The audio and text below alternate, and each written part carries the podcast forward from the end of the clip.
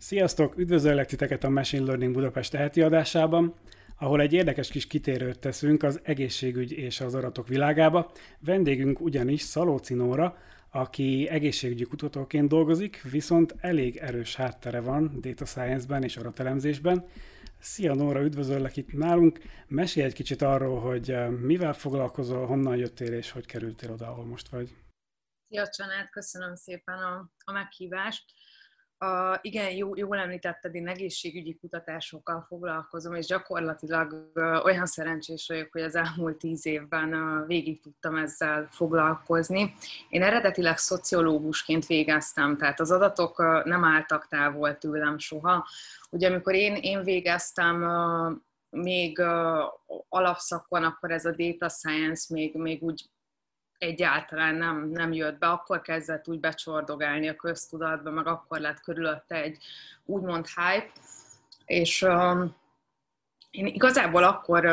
hallottam egy biostatisztikusnak az előadását, aki rávilágította arra, hogy hát mennyi lehetőség van az egészségügyön belül is uh, data science uh, módszerekkel, és én akkor eldöntöttem, hogy én, én szeretnék data scientist is lenni. És elkezdtem nézni, hogy ugye hol tudnék itthon data science tanulni, és akkor találtam rá a Kürt Akadémiára, ugye láttam, hogy István már a, a vendéged is volt, tehát én, én ott végeztem náluk a, a második évfolyamon data science-t, és igazából annyira megtetszett a dolog, hogy, hogy utána az AI technológiai képzést is elvégeztem. Tehát igazából így, így, így kerültem erre a területre, de mondom, tehát így az adatok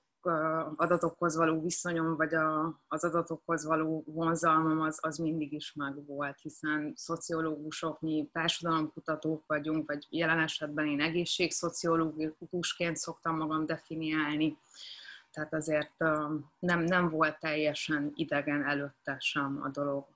Ez a szociológiai háttér, ez tök érdekes abból a szempontból is, hogy Egyre több ilyen etikai kérdés merül fel az AI használatáról, az adatok mennyiségéről, hogy te hogy látod, hogy milyen hatásai vannak a, ennek a hatalmas fejlődésnek egy szociológiai szempontból? Hát figyelj, ugye rengeteg területre ez uh, bekúszott, és uh, én most ide azért behoznám a Covid-ot is. Tehát most, most uh, visszamennék kicsit az egészségügyre. Ugye nagyon-nagyon régóta beszélünk arról, hogy azért az egészségügyet kicsit kell innoválni, kell, kell digitalizálni, kell bele egy kis vérfrissítés. Most szerintem nem csak tehát nyilván minden szférában nagyon-nagyon nagyot rúgott a COVID, hogy a digitalizáció gyorsuljon. Ez nem volt más, hogy az egészségügyel sem, hiszen ugye itthon is például elkészült a telemedicina rendelet, amire jó-jó jó pár éve várnak a szakemberek, várunk mi is, hogy, hogy legyen erről egy megfogalmazás, hogy pontosan mi ez, kitárti, milyen formában és meddig terjedhet a, a hatásköre. Ugye a másik, másik fontos dolog, így az egészségügyi adatok kapcsán, hogy, hogy Magyarországon van egy rendkívül nagy adatvagyon egészségügyi adatokból. Tehát itt most gondolok az EST-re, amivel szerintem megint csak, tehát a szociológiai szempontból nézem, Ugye EST most már van jó pár éve, úgy, ahogy e-recept is, tehát ezek a Covid előtt is igénybe vehetőek voltak. Oké, okay, hogy egy ügyfélkapus felületen, tehát nem volt még külön erre weboldal, most már ez is létrejött, tehát most már nem csak az ügyfélkapun tudom én nézegetni, hogy milyen vént váltottam ki, vagy miért nem, hanem ugye most már az EST-nek van egy dedikált weboldala, ami csak az egészségügyi adatokra megy rá hogyha ezt uh, olyan, olyan szemmel nézem, hogy, uh, hogy azért arról tudunk, hogy a, hogy a lakosság jelentős része, és ezt most senki ne vegye magára, de nagyon-nagyon sokan ugye adminisztrációs terhekkel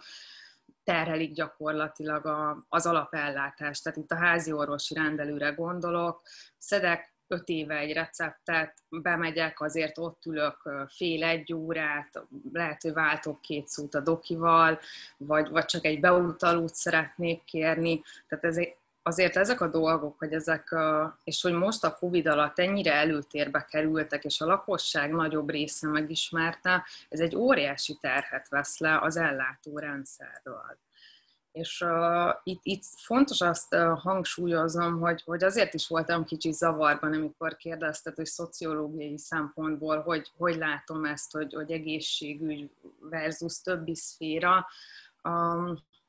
az a helyzet, hogy az egészségügyi rendszerek, tehát itt a, a, akár egy kórház, vagy akár a, a benne dolgozó emberek, tehát a, az orvosok, az egészségügyi szakdolgozók nagyon-nagyon unikálisak, tehát semmilyen más szervezet típussal vagy szektorral nem, nem tudunk köztük párhuzamot vonni, és igazából nemzetközi szinten sem tudunk összehasonlítást végezni, hiszen a, ilyenkor megszólal bennem a szociológus én, hogy sokszor látok olyanokat, hogy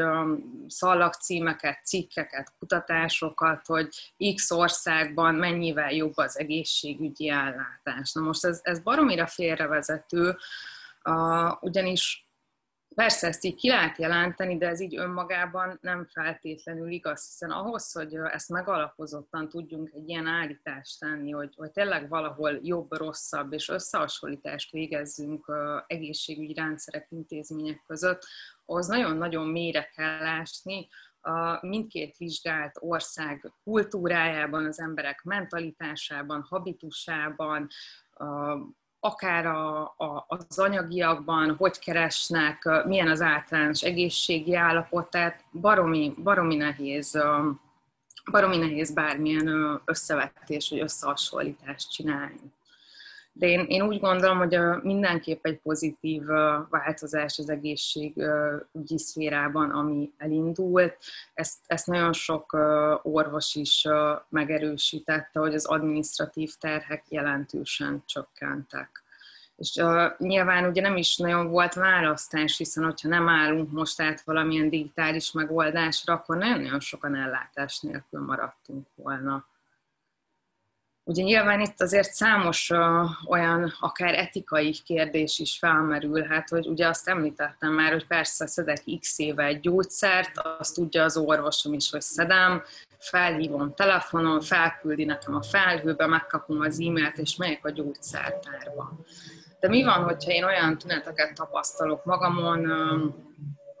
hogy igazából érzem, hogy rosszul vagyok, talán még lázam is van, és kéne valami erősebb gyógyszer, ami nincs itt a házi patikában. Ugye ilyenkor persze fölhívhatom az orvos, de itt már azért van egy súlyos felelősségi kérdés is benne, hogy, hogy ő gyakorlatilag látatlanba, anélkül, hogy ugye látná azt, hogy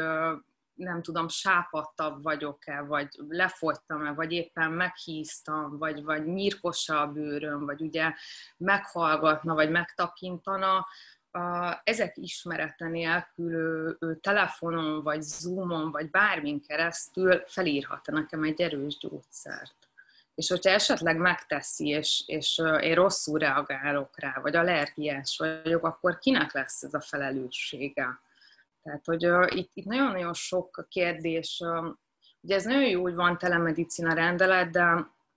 ugye az, szerintem az a többi szektorra is igaz, hogy a trendek azok nagyon gyorsan jönnek, mennek, és a jogalkotás ezt viszonylag lassan szokta követni utána.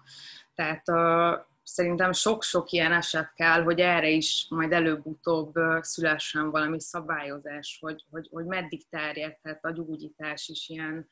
a távkonzultáció formájában. Meg itt további kérdések is felmerülnek, ugye az annak a kapcsán, hogy arról is látunk kutatásokat, hogy a mindenféle algoritmusok egyre pontosabban tudnak előrejelezni, vagy, vagy diagnosztizálni betegségeket, de egyrészt jobban is tudnak működni, mint egy orvos, másrészt az, az emberek mégse teljesen bíznak meg egy algoritmusban, és itt ugye azok a kérdések is felmerülnek, hogy, hogy most akkor rábízhatunk-e élethalál kérdéseket egy algoritmusra, vagy hogy akkor ki, kinek milyen felelősség ebben az egészben. Szóval elég komplikált etikai kérdések felmerülnek, hogy ezekre van bármi megoldás, vagy bármilyen kilátás bármilyen megoldásra, hogy ez hogy lehet feloldani ezeket a dilemmákat. Hát nézd, most, most jól, jól feldobtad a, a labdát, ez, ez valóban egy nagyon-nagyon aktuális és érdekes kérdés. Uh, én, én tanítok a Semmelweis Egyetemen is, és uh, én nagyon sokszor uh, meg szoktam kérdezni a hallgatóimat, uh, mert szociológia óra keretében szoktunk beszélni a digitalizációról is, hogy, uh, hogyha választaniuk kéne, hogy ki műti meg őket, akkor, akkor egy robotra bíznák ezt a műtétet, vagy egy orvosra. És ugye először mindenki az orvosra szokott szavazni. Hát persze, tehát most én, én is arra raknám a, raknám a kezemet, de hogyha egy picit elkezdünk gondolkodni olyanokba, hogy hogy mondjuk az a műtét aznap hanyadik már az orvosnak, mennyire van elfáradva, mennyire fog remegni a keze, ugye ez egy robotnál nincsen, de nyilván, nyilván ott csomó egyéb kérdés merül föl, hogy, hogy a robotot persze emberek fogják programozni, neki nem fog remegni a keze, nem fog ilyen típushibákat elkövetni, de hogyha esetleg ott valami balul sül el, valami megakad, akkor az megint csak kinek a felelőssége. Tehát erre igazából nincsenek még nagyon uh, ilyen kiforrott uh, irányelvek, meg best practice meg ugye még nem, nem tartunk azért itt, hogy, hogy e között kéne dönteni, hogy, hogy akkor most egy teljesen automatizált rendszer fog engem műteni. Én, én valahol azt mondanám, hogy szerencsés lenne itt is az arany, arany középutat választani.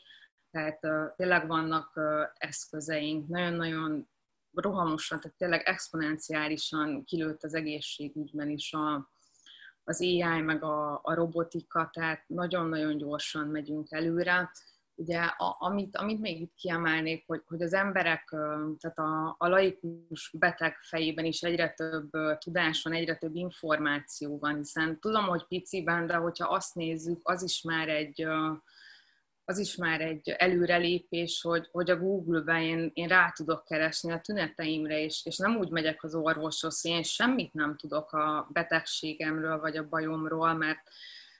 mondjuk érted, 50-60 évvel ezelőtt, hogyha volt otthon szakkönyv, vagy elment az ember a könyvtárba, és felcsapott egy belgyógyászati könyvet, akkor lehet kiolvasta belőle, de nem ez volt, aminek ugye neve is van, hogy doktor Google, hogy beültem a tüneteimet, és bőven találok azért róla valamit. Tehát visszakanyarodva én, én ott, ott látnám, hogy, hogy ez, ez valahol tényleg így uh, csatlakozik, és uh, ugyanúgy, tehát nem, nem fognak kikopni a, az orvosok, nem fognak kikopni az emberek a szakmából, hiszen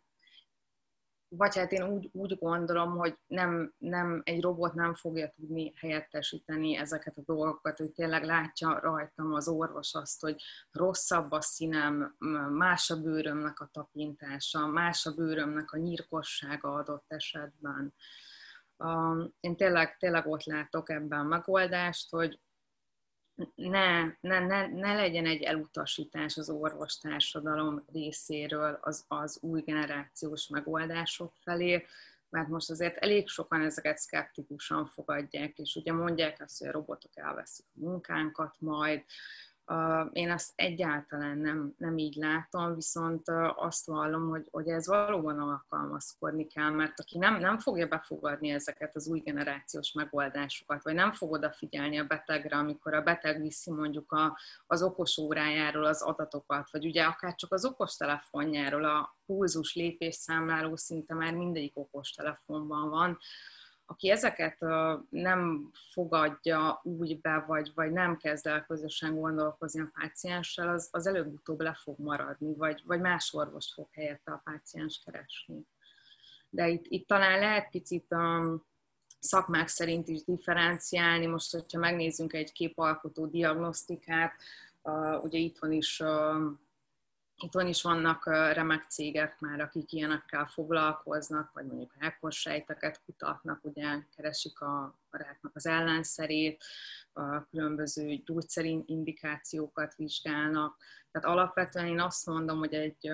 közös együttműködés szükséges, csökkenni fognak a, az ilyen felesleges adminisztrációs terhek, ami által az orvosnak több ideje lesz arra, hogy, hogy ezeket az új dolgokat, információkat befogadja, és proaktívan közösen dolgozzanak együtt a beteggel. Ezek, ezek mind, mind fontosak. Csak mondom, én, tehát hogy ehhez még tényleg kéne egy, azért egy ennél cizelláltabb jogi szabályozás, hogy tényleg ki meddig hova érhet el. És egyébként ez az orvosi szkepticizmusnak meg van még egy olyan másik hatása is, amiről én hallottam, hogy nehéz jó minőségű orvosi adatot szerezni, legalábbis bizonyos esetekben, mert hogy hallottam olyan konkrét esetről, hogy az orvosok nagyon meg voltak ijedve attól, hogy hát ha most itt csinálunk egy elját, akkor elveszi a munkánkat, és hogy szándékosan becsúsztattak hibás adatokat az adatszedbe, amit megosztottak az emberekkel. És csak, hogy ennek meg megint nem az lesz a, a végeredménye, hogy nem lesz olyan AI, ami segíti az orvosokat, csak az, hogy pontatlanabb lesz. Annak meg így sok értelme nincsen, se az orvosnak, se senki másnak, és megint csak etikai kérdésekbe futunk. És ha már beszélünk ilyen egészségügyi rendszerekről, Um, említetted ugye a, a, az új magyar rendszert, az EST-t, hogy erről mi a véleményed, mert rengeteg adatot tárolunk benne tényleg, de engem az érdekelne, hogy ezt mennyire tudjuk kihasználni, vagy például, hogyha van egy cég, aki szeretne valamilyen egészségügyi adatokra alapuló megoldást fejleszteni, annak mennyire van hozzáférése ezekhez az adatokhoz, vagy milyen keretek közt tud hozzáférni, és milyen formában? Igen, ez az, amiről, amiről szerintem kevesebben, kevesebben tudnak az emberek. Ugye van ez az EST, még emellett én megemlítenék egy, egy másik nagy, nagy rendszert, a, a METSZOLT, ami egy TSN fejlesztés, és a hazai orvostudományi egyetemek használják. Erről majd egy picit beszélnék, hogy ez miben más, mint az EST. Ugye az EST tartalmazza a gyakorlatilag a 10 milliós populációra vetített egészségügyi adatait mindenkinek. Ez nagyon-nagyon sokáig csak a finanszírozott, tehát TB alapú ellátások voltak benne. Ugye idén januártól kötelezővé tették a magánszolgáltatók számára is a regisztrációt, és június-júliustól a magánszolgáltatónál igénybe vett ellátások is felkerülnek az EST-be. Tehát eddig nagyon sokszor um, láttuk azt EST adatokon, hogy uh, néztünk valamilyen betegpopulációt, és több ezer ember kiesett x évre belőle, és nem tudtuk, hogy mi történt. Hát simán lehet, hogy elment magámba, csak akkor az nem volt integrálva az EST-be. És visszatérve a kérdésedre, az EST-nél uh, gyakorlatilag le lehet kérni ezeket az adatokat természetesen anonimizálva, tehát el vannak heselve az olyan érzékeny adatok, mint például tajszám, meg nyilván lakcímet nem tartalmaz. Ennek egy viszonylag egyszerű a menete, tehát egy ilyen nagyon egyszerű formanyomtatványt ki kell tölteni, ki az adatkérő személy vagy cég, milyen adatokat szeretnek kérni. Tehát mondok neked egy példát, nyilván olyat most én arra beírnám, hogy én a 10 milliós populációról szeretnék mindent lekérni, akkor valószínűleg azt mondanák ha ne abban, hogy nem, ezt nem lehet. De hogyha már picit szűkítem mondjuk egy BNO kódra, hogy 2016 és 2019 között én kíváncsi vagyok azokra az emberekre, akik mondjuk egy I50-es diagnózist kaptak, és én ezt erre meg erre a célra fogom használni, ugye általában kutatási célokra használjuk, tehát hogy most orvostudományi egyetemnek vagy gyógyszercégnek megye, vagy, vagy csak egy publikáció fog belőle születni, nyilván ezt is fel kell tüntetni, tehát ez nem, nem otthoni játszadozásra van. És akkor ezt az, e, a NEAK elbírálja, hogy ezt az adatot kiadja Most azért azt nem úgy kell elképzelni, hogy hogy itt rögtön az ember egy ilyen nagyon-nagyon szép adatbázist kap. Tehát a, a script, tehát a, egyáltalán az adatkép, tehát ha azt mondja ne, hogy persze mehet az adat, ak- akkor jön az, hogy vagy, vagy a cégen belül valaki megírja hozzá az adatlekérő skriptet, vagy a neakot is meg lehet kérni természetesen plusz térítés ellenébe, hogy írják meg ezt a skriptet, és ebből megérkeznek az adattáblák. Hát ott nagyon sok mindent láttunk ezekben az adattáblákban, tehát most ezt, ezt abszolút nem rosszból mondom, tehát természetesen emberek vagyunk, tehát hibázunk mi is a mindennapokban, hibáznak azok is, akik adatokat rögzítenek néha, ugye. Vannak, vannak könnyebb esetek, amikor ez, ez, ez kiszűrhető, hogy ott tényleg csak egy elütés történt, mert, mert mondjuk 1700-ban született az illető, tehát azt sejtjük, hogy ott, ott valami. De mondjuk mondok egy másik példát, amikor um, testsúly és uh, testmagasság is van ugye BMI számításhoz, uh, és, és van, amikor, uh, van, amikor uh, mint hogyha én furán fel lennének cserélve az értékek. Tehát a testmagasság az 60, a, a testsúly az 170, tehát még itt is jó, jó, persze fel lett cserélve, de amikor mondjuk egy ilyen 170-170-et látsz mindenhol, és tudod, hogy már voltak ilyen, ilyen hibák az adatbázisban, akkor ugye nem, nem tudod eldönteni, mert, mert még, végül is még a 170 kiló az, az úgymond reális, tehát azzal még élhet egy, élhet egy ember. Nyilván egy ilyen 500-asnál ott tudod, hogy valami adathiba van, és ugye az a másik nagy probléma, hogy, hogy azért ezek egészségügyi adatok, tehát itt az, hogy most a, két legközelebbi átlaggal helyettesítsük be, én azt sem tartom okésnak, vagy most kap egy nan értéket, de akkor meg nagyon-nagyon sok nanunk lenne. Persze azért ez az is hozzátartozik, hogyha mondjuk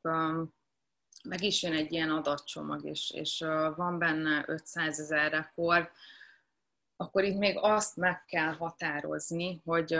pontosan te kit is fogsz valódi betegnek tekinteni, hiszen ebben, ebben az 500 ezer emberben maradjunk ennél az I50-es BNO kódnál, benne lesznek azok is, akik mondjuk életükben egyszer csak kiváltottak valamilyen szívgyógyszert, de hogy lehet, hogy vele semmi más nem történt az adott időperiódusban, vagy időintervallumban, tehát őt mondjuk nem fogom valódi szívbetegnek tekinteni, hiszen lehet, hogy egyszer kapott valamire gyógyszert, és, és ez nagyon-nagyon nehéz szerintem az egészségügyi kutatásoknál, akármilyen indikációt is vizsgálunk, hogy hogyan fogjuk meghatározni, hogy kit tekintünk egyáltalán valódi betegnek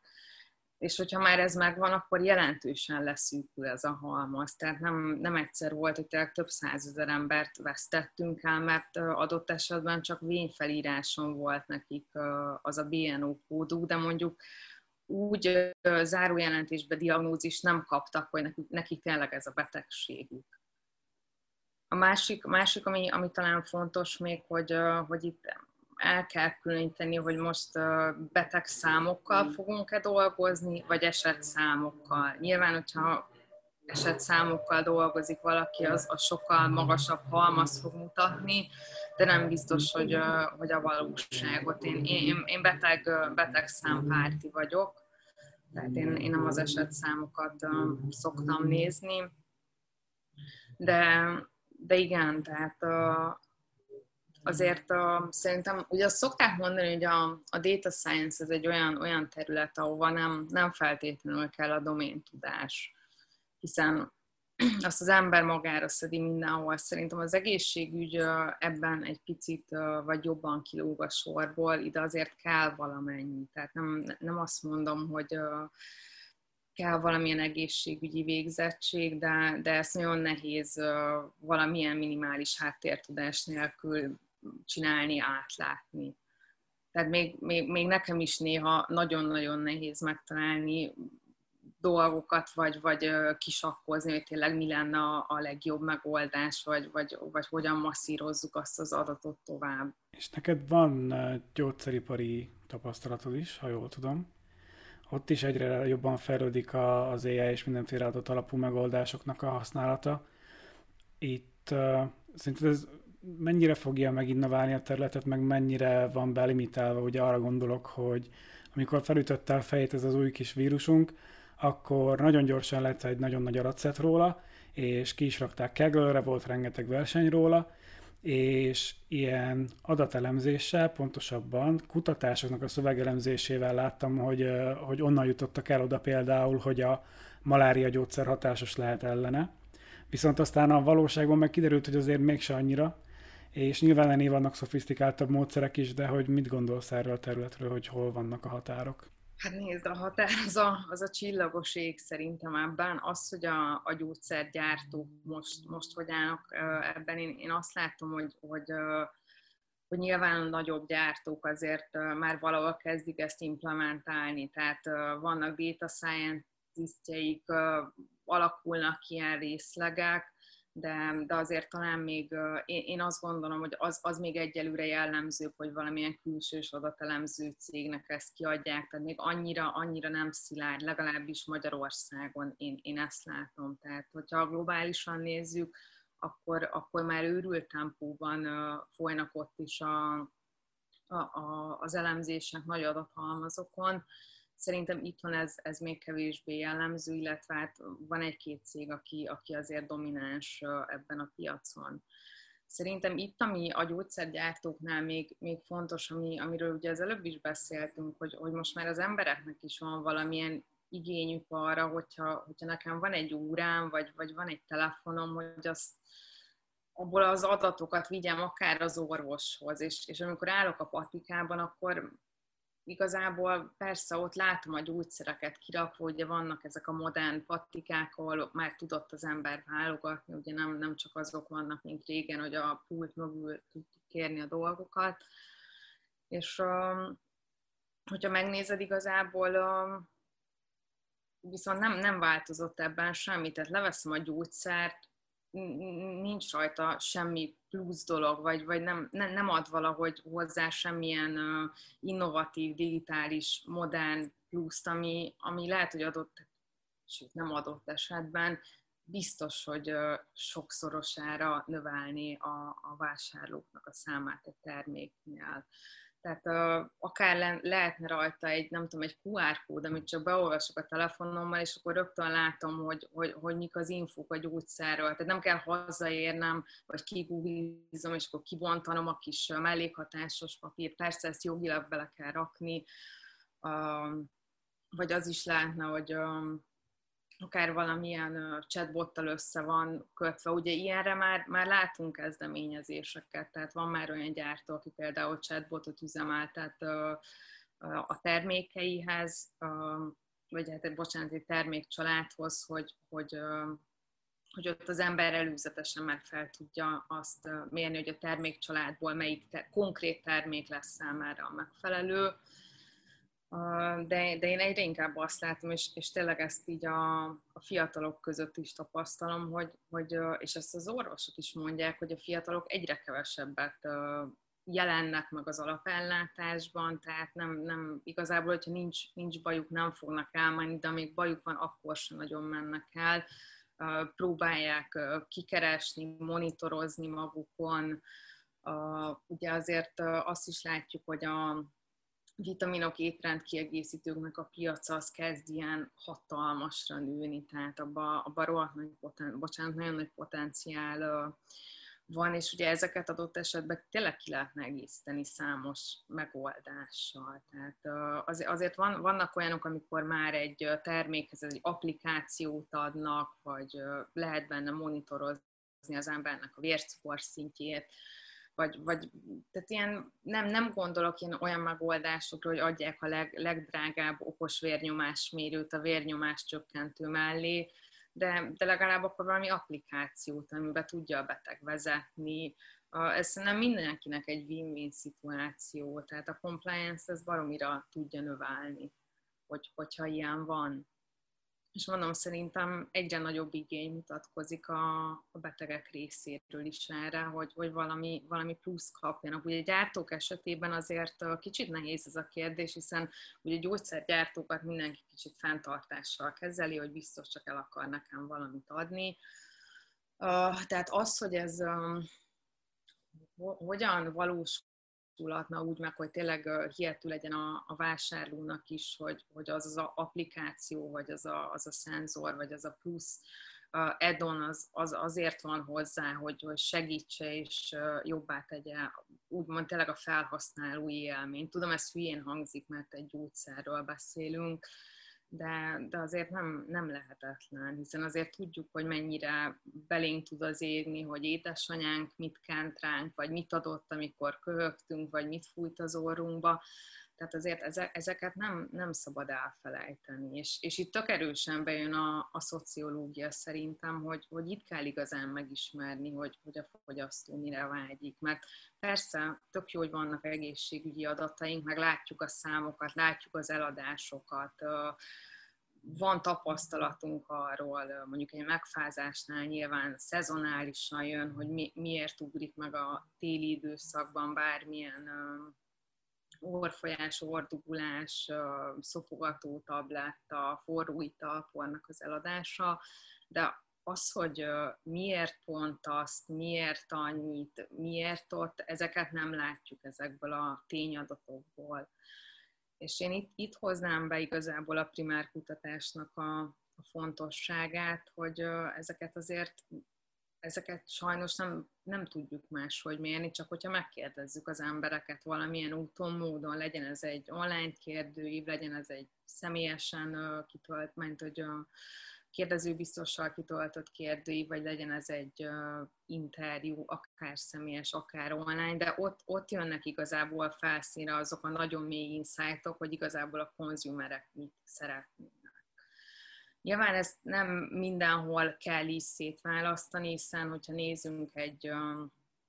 nézzünk egy betegséget, gyógyszergyártót érdekli, általában azt szokta érdekelni a, a gyógyszergyártókat, bármilyen indikációban is vizsgáljuk. Szerintem ezzel nem, nem árulok el nagy titkot, és aki, aki picit ponyít a témához, az, az szerintem sejt is, azért az egészségügyi kutatásoknál, vagy ilyen tényleg nagy adatszetteknél azért a, a klaszterezés szokott a leginkább menni. Tehát ugye keressük azokat a homogén betegcsoportokat, ahol valami történik, ahol, ahol valami el, elválik, ami, ami picit kilóg a többi közül. Most visszatérve erre az I50-es szívbeteg példára, volt ilyen projektünk, ott, ott konkrétan azt vizsgáltuk meg, hogy megnéztük, hogy mikor kapták meg az emberek ezt az I50-es diagnózis. Persze előtte szépen leválogattuk őket, hogy ugye kikerüljön az, aki csak vényről kapta, tehát benne maradtak tényleg az igazolt betegeink, és megnéztük, hogy a diagnózist követően hány éven belül következett be az elhalálozás, és ugye hol, hol van az a klaszter, kik azok az emberek, akik a diagnózis követő x éven belül meg fognak halni. És abban a pillanatban, hogy ezt megtalálod, és, és oda tudsz menni, és meg tudod mondani a gyártónak, hogy figyelj az 50 pluszos férfiakra és nőkre, akik diabéteszesek és magas vérnyomásban szenvednek, rájuk kell kiemelten figyelni, vagy valamilyen uh, új terápiás gyógyszert hozni, vagy valamit megváltoztatni, mert ők nagy valószínűséggel el fognak halálozni a diagnózus követően, akkor itt azért már jóval uh, nagyobb volumenük, volumenekről beszélünk. Uh, és ugye leginkább erre szoktak kimenni ezek az egészségügyi uh, adatelemzések, hogyha, hogyha a tényadatokat nézzük, vagy hogyha nem a, nem a primár kutatás részét nézzük, hogy uh, hol lehet úgymond a terápiás útba beavatkozni, vagy kiknél szükséges beavatkozni, vagy akkor nekik másik gyógyszert adjunk, vagy adott esetben fejleszünk egy teljesen újat, mert azt látjuk, hogy valamiért annak a populációnak nem működik ez, hiszen meghalnak.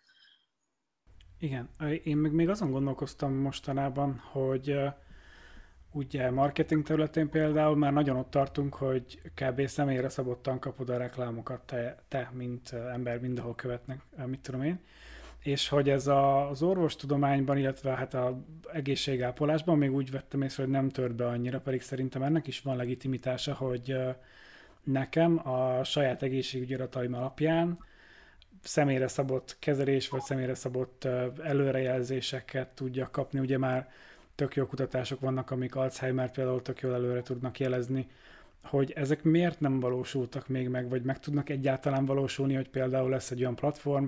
ahova én beregisztrálok, felrakom a, a korábbi adataimat, és akkor kidobja a rendszer, hogy nekem ez, meg ez, meg ez, meg ez a betegség, ami rizikós, és hogy ezt meg ezt csináljam az ellen. Mert ezt még nem látom sehol, de szerintem érdekes. Igen, azért ez hasonló ezekhez a különböző um, ahova ugye beküldesz egy kis nyálmintát, és az ilyen genetikai családfa kereső oldalokhoz, amit most, most említettél. Ugye itt egy-egy dolog van, hogy az egészségügyi adat az iszonyatosan szenzitív. Persze, hogyha te, te arra jogot adsz, hogy ezt valaki felhasználja, akkor te ott beleegyeztél, tehát ott megvan a, megvan a konszent. De, de azért nekem ezzel picit vannak aggájaim, hogy, pontosan amiatt, hogy, hogy ez persze szabályozva, meg itt van a GDPR Európában, de most mit tudom én, hogy, hogy én tényleg beküldenék egy ilyen mintát, hogy, hogy azzal mondjuk 10-20 év múlva mi történik, vagy, vagy mennyire profiloznak belőle. Ugye a másik meg az, hogy valóban, tehát ugye azt tudjuk, hogy most uh, rákeresnék arra, hogy nem is tudom, valami könyvre, vagy macskára, kutyára, akkor azt látnám mindenféle hírfolyamomon ugye ez a, hogyha valamilyen tünetre vagy betegségre rákeresek, akkor is jönnek ezek a hirdetések feldobálva, de, de hogy sajnos uh, itt nem a, nem a valid oldalak jönnek fel, tehát nem a, nem a gyógyszergyártók targetálnak, hanem ilyen Google Translate-ben lefordított, uh, lelopott orvosok képével, Uh, ugye nagyon-nagyon sok esetben például um, oda van írva, hogy a Semmelweis klinikákon fejlesztett, és akkor be is van odavágva az orvosok képe, de hogy ezek ilyen kamu oldalak. Tehát én inkább itt ezt látom a problémának, hogy, és ez most itt a Covid kapcsán is tök aktuális, tehát elég valakinek csak véletlenül tényleg rákattintania valamilyen fake newsos hírre, és utána ezeket fogja az arcába tolni, az algoritmus és uh, nyilván az, hát az, az ember meg minél többet lát valamit, annál inkább egy betegség esetén szorong tőle. Tehát én mondjuk nem is biztos, hogyha ez, hogyha ez tényleg működne is, meg lenne rá a megfelelő jogi szabályozás. Ugye azt azért fontos megemlíteni, hogy hogy, hogy ezért a gyógyszergyártóknak is olyan uh, szempontból meg van kötve a kezük, hogy rájuk egy nagyon erős jogi szabályozás vonatkozik, tehát amíg mondjuk egy instant leves sport, azt el lehet adni azzal, hogy nem tudom, a világ legfinomabbja is kiderül, hogy nem a legfinomabb, akkor kapnak egy kis pénzbüntetést. Azért a gyógyszergyártóknál nem ez van, tehát ott um, tényleg csak azokat az indikációkat lehet feltüntetni, csak azokat a terápiás hatásokat, amelyek bizonyítottak, tehát ott azért nem lehet így ész nélkül menni, hogy én azt mondom, hogy ez a világ legcsodálatosabb gyógyszere. Ez, egy nehéz kérdés, és szerintem sokan azt sem tudják, most visszakanyarodva az EST-hez, hogy, hogy van egy ilyen önrendelkezési jog, és ez az EST-ben amúgy by default, ez úgy van beállítva, hogy, hogy gyakorlatilag az egészségügyi szakdolgozók hozzáférnek a te egészségügyi adataidhoz. Tehát itt ez az alapbeállítás, és szerintem ezt nagyon-nagyon sokan nem, nem tudják, hogy, hogy ezt, ezt ők tudják módosítani. Tehát én le is tilthatom magamat teljesen, hogy senki ne férjen hozzá semmimhez, kivéve akkor, hogyha a jogszabály ezt megköveteli. Azt is be tudom állítani, hogy én csak egy adott napra adok hozzáférést az orvosomnak, vagy mondom, azt is be tudom állítani, hogy tényleg akárki lekérdezheti az eddigi leleteimet, vénykiváltásaimat, beutalóimat,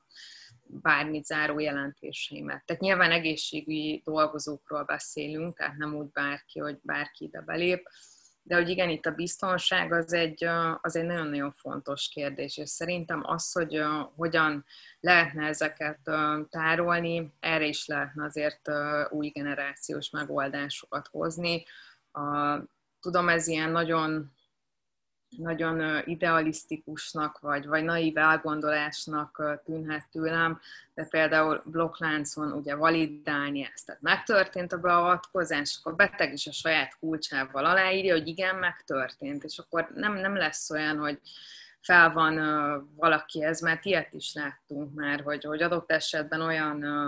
ellátás vagy, vagy gyógyeszköz van fölvive, ami nem történt meg. És akkor most ott kérdés jött, egy téves könyvelés történt, vagy, vagy azt valaki direkt írta be oda,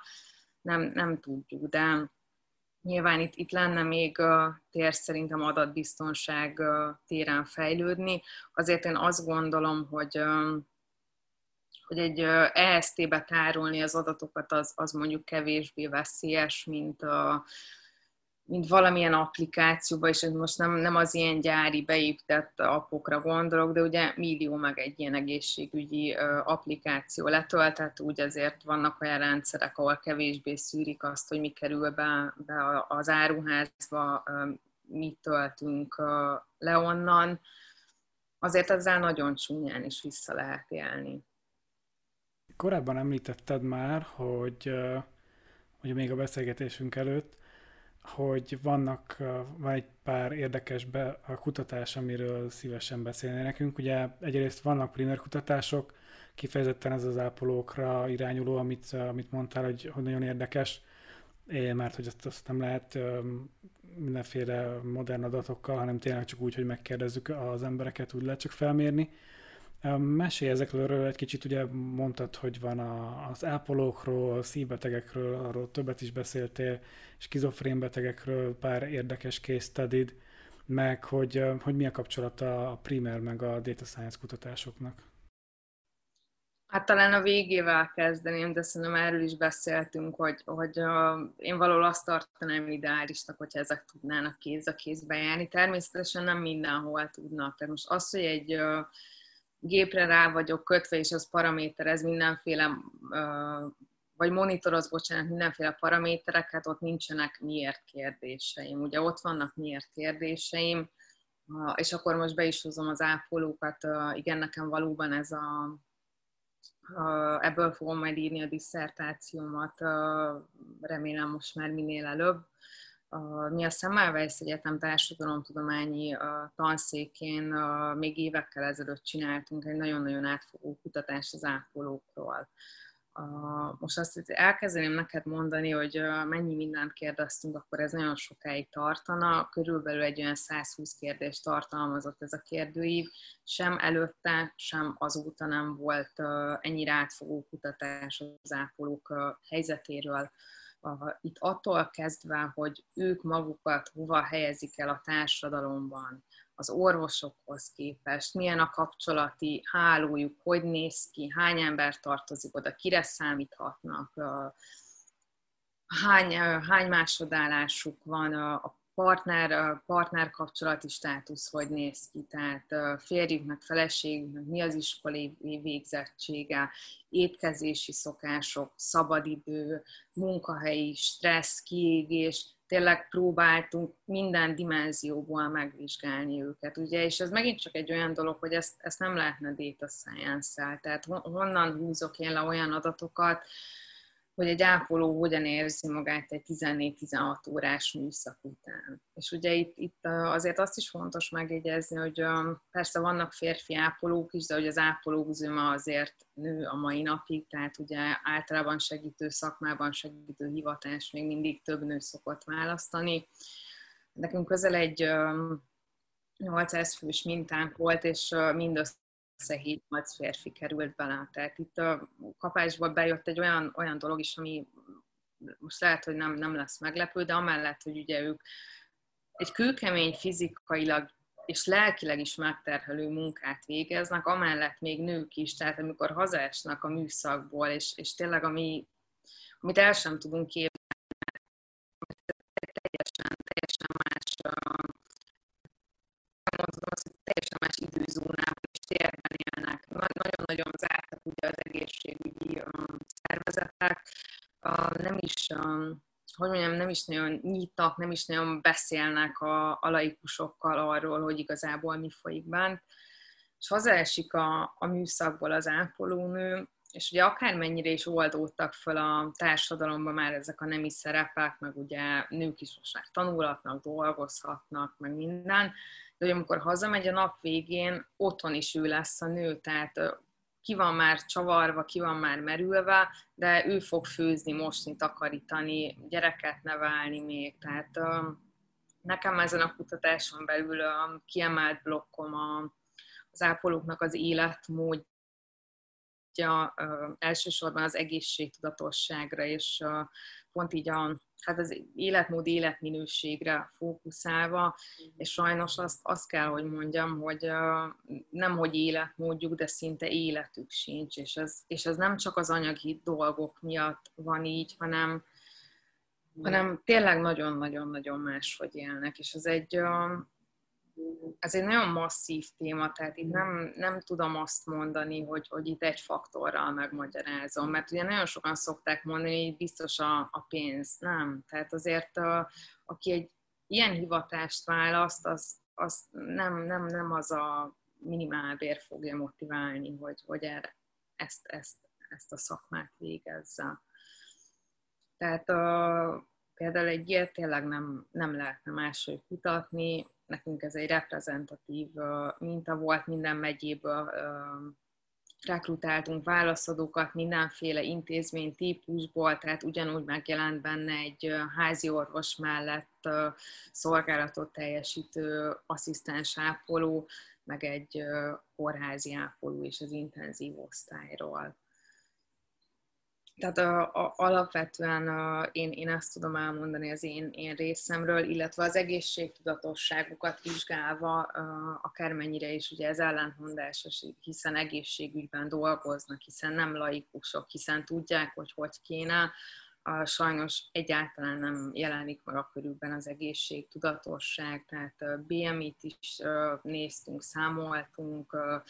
én étkezési szokásokat nagyon alaposan megkérdeztem tőlük, és nyilván ennek nem az az oka, tehát a tudás megvan a fejükben, csak egyszerűen olyan az életmódjuk, vagy hát a nem létező életmódjuk és a nem létező életük, hogy erre már végképp nincs idejük, hogy akkor most még arra is figyeljek, hogy én e-, e-, elég vizet iszom-e, vagy, vagy akkor most a megfelelő tápanyagokat be tudom-e vinni, hiszen örülök neki, hogy van öt percem valahol az ebédem megenni. Tehát szerintem ezeket, ezeket mindenképp primár oldalon kell elkezdeni kutatni, de most itt mondhatnám, hogy az orvosok sem elégedettek, azért azt, azt tudjuk. Az összes szakdolgozónál fel lehetne tárni ilyen dolgokat, és ugye ezekről nincsenek ilyen tényadataink, vagy, vagy ezek nem, nem szerepelnek egy adatbázisban, hogy hogy érzik magukat, meg mi történik a munka után, Persze valamennyi adat a rendelkezésünkre áll, meg erről mindig jönnek ki kutatások, de, de én pont, pont úgy gondolom, hogyha egy ilyen szűkebb társadalmi csoportot szeretnénk vizsgálni, amiről nem, nem vezetnek nyilvántartás, hogy valaki nem rögzíti az adatokat, mert muszáj rögzíteni, mert orvosi adatok, akkor ezt nehezen, nehezen tudnánk máshonnan nézni. Igen, és még egy téma van, amit nagyon fontosnak tartasz te is, meg én is, hogy a, a nők helyzete a, a data science-ben. Ugye mondtad, hogy sajnos több rossz tapasztalatod is van ezen a téren. Igen, uh,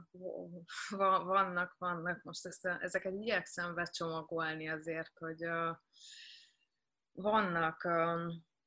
azzal, azzal nagyon sokszor találkoztam, hogy, hogy ugye azért Kicsit most visszamegyek, és, és próbálom ezt szociológiai, vagy szociológus szemmel is megközelíteni. Ugye az elég régóta úgy, úgy benne van az emberekben, már általános iskolában, gimnáziumban is, hogy hát ugye a lányok inkább ugye a humán tárgyakhoz, a fiúk meg a rá tárgyakhoz, tehát nem baj az, hogyha egy lány annyira nem jó matekból, vagy fizikából, mert hiszen ő majd jó lesz magyarból, töriből, meg angolból. És igazából én is ezt tapasztaltam, tehát én én, én nem tudom, hogy uh, valamelyik uh, gimnáziumi matek tanárom uh, követte, hogy, hogy hova jutottam, de hogyha azt mondjuk neki gimiben, hogy, hogy én egyszer számokkal fogunk foglalkozni, akkor biztos, hogy nagyon-nagyon nagyot nevetett volna. És uh, itt igen, az is volt a probléma, hogy uh, nekem picit máshogy kellett volna magyarázni, uh, és, és igazából az első pár kudarcnál én elkönyveltem, hogy én biztos teljesen hülye vagyok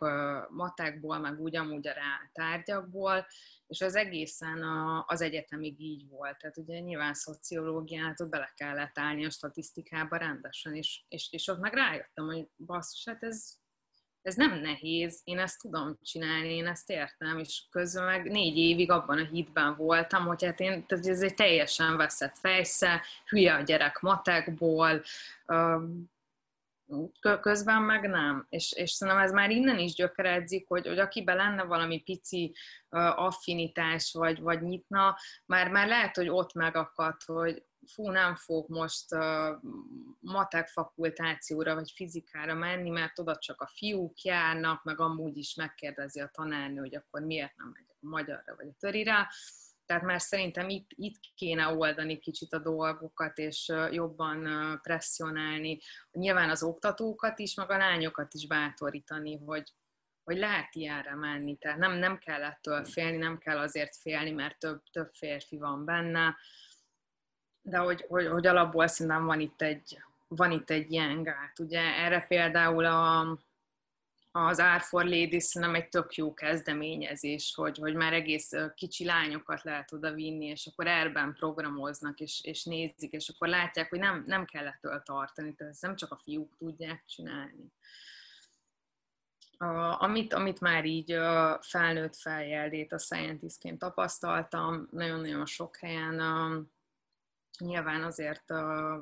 vezetői szinten is megfigyelhető, hogy inkább férfiak szoktak ülni, tehát hogyha elmentünk egy projekttel, vagy akár csak egy ötlettel, hogy, hogy miket lehetne csinálni, konkrétan volt olyan, hogy 5-6-7 percen keresztül vizsgáztattak engem. Tehát gyakorlatilag úgy éreztem magam, mint hogyha az államvizsgámon vagy valami ZH lennék, és így zuhantak rám a statisztikai kérdések, és láttam, hogy azt várják, hogy, hogy hol fogok elhasalni, hogy mire nem tud majd válaszolni a csaj. És, és ott már kicsit ideges lettem, és akkor uh, bedobtam egy olyan dolgot, amire meg ők nem tudtak már visszakérdezni, meg válaszolni, és akkor, akkor, akkor ez itt elhalt. De mondok mást, azért ez a, ez a patriarchális dolog, ez, ez jelen van a, jelen van a tudományos szférában erősen, tehát arra is volt példa, hogy, hogy ugyan, és sőt, úgy mondom, hogy mi készítettük az elemzést, hogy nem, nem csak én, tehát hogy kifejezetten csak lányok voltunk abban az elemző csapatban, és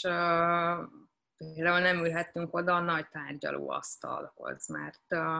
ott az az elfogyott, csak a nagyon-nagyon magas rangú vezetők és férfiak ülhetnek. Tehát erre is, erre is volt példa, ilyennel is találkoztam. És a, tudod, ez ilyenkor, amikor a szituációban van az ember, akkor kicsit ez a, nem tudom, hogy most sírjak, vagy, vagy nevessek. Tehát a, leginkább egyszerre, egyszerre mindkettőt. Um, én, én, én ezt úgy, úgy kezeltem, ahogy tanultam az etikettet, nem mondtam semmit, hiszen nálam idősebb, tapasztaltabb és magasabb rangú szakértők ültek ott, tehát én, én ott nem, nem jeleztem semmit. A másik oldalán még ezt látom, tapasztalom, az azért a bérezés. Uh, ugyan ez, ez már talán picit jobban oldódik fel, de azért így, ahogy az ismeretségi körömet is uh, monitorozom, vagy, vagy beszélünk erről, azért, azért van differenciál. Azért van ebben is differenciál. Ugye ez, ez már talán a ez, ez, ez úgy kezd már feloldódni, tehát azért a skandináv államok, erre már rengeteg törekvés van, hogy ugye kiegyenlített legyen, de ezt nem is csak a data science területén mondanám, hanem így a, az IT szektorra vonatkoztatva, hogy, Sőt, tudok olyanról, aki, a, mondom azt most hangsúlyozom, hogy én most nem DS területen dolgozom, de hogy amikor ott dolgoztam, akkor sokkal magasabb végzettséggel jelentősen kevesebbet kerestem egy velem egy idős data scientist sráchoz képest, aki egy másik cégnél ült. És nem, nem azt mondom, hogy ez feltétlenül most akkor cégfüggő, de, de, de azért ez is, ez is jelen van. Ezzel mit tudunk csinálni, mert ugye pont az a baj, hogy azok az emberek, akik tudják, hogy ez nincs rendjén, azok nem is ez szerint működnek. Szóval, hogy mit látsz megoldásnak itt? Vagy mit, mit tudunk mit csinálni? Én azt, azt mondanám, hogy, hogy tényleg bátorítani kell a lányokat már, már gyerekkortól, hiszen akkor a, akkor a legerősebb ez a nyomás, hogyha ez beléjük ivódik egyáltalán arra, hogy nem kell félni. Tehát attól sem kell félni, hogyha lesz kudarc, attól sem kell félni, hogy, hogyha az elején nem úgy megy, tehát ne, ne adják föl, hogyha, hogyha ők IT-val szeretnének foglalkozni, statisztikus szeretne lenni, vagy, vagy rocket scientist szeretne lenni, akkor menjen és csinálja, és, és ne, ne bukjon ez már el ott, hogy, hogy egy, most tényleg nem akarok csúnyát mondani, csak tényleg saját tapasztalatom, hogy, hogy annyira megutáltatták velem az egész matekot, hogy életemben nem gondoltam volna, hogy én se, hogy itt fogok egyszer kikötni, és számokkal fogok foglalkozni. Tehát mindenképp um, szerintem itt van egy nagyon erős edukációs szerep, és nyilván ezt azért nem lehet csak a tanárokra áttolni, tehát fontos, hogyha a szülő azt látja a, a, a gyerekénél legyen most az akármilyen nem, de hogy valami fele van nyitottsága, akkor az ne, ne legyen uh, csírájában már elfolytva azzal, hogy az egy férfias vagy nőies szakma, nyugodtan akkor menjen afelé a gyerek, csinálja. A, később szerintem az egyetemen már, már picit oldódik ez a, picit oldódik ez a, a dolog. Én, én nagyon sokáig um,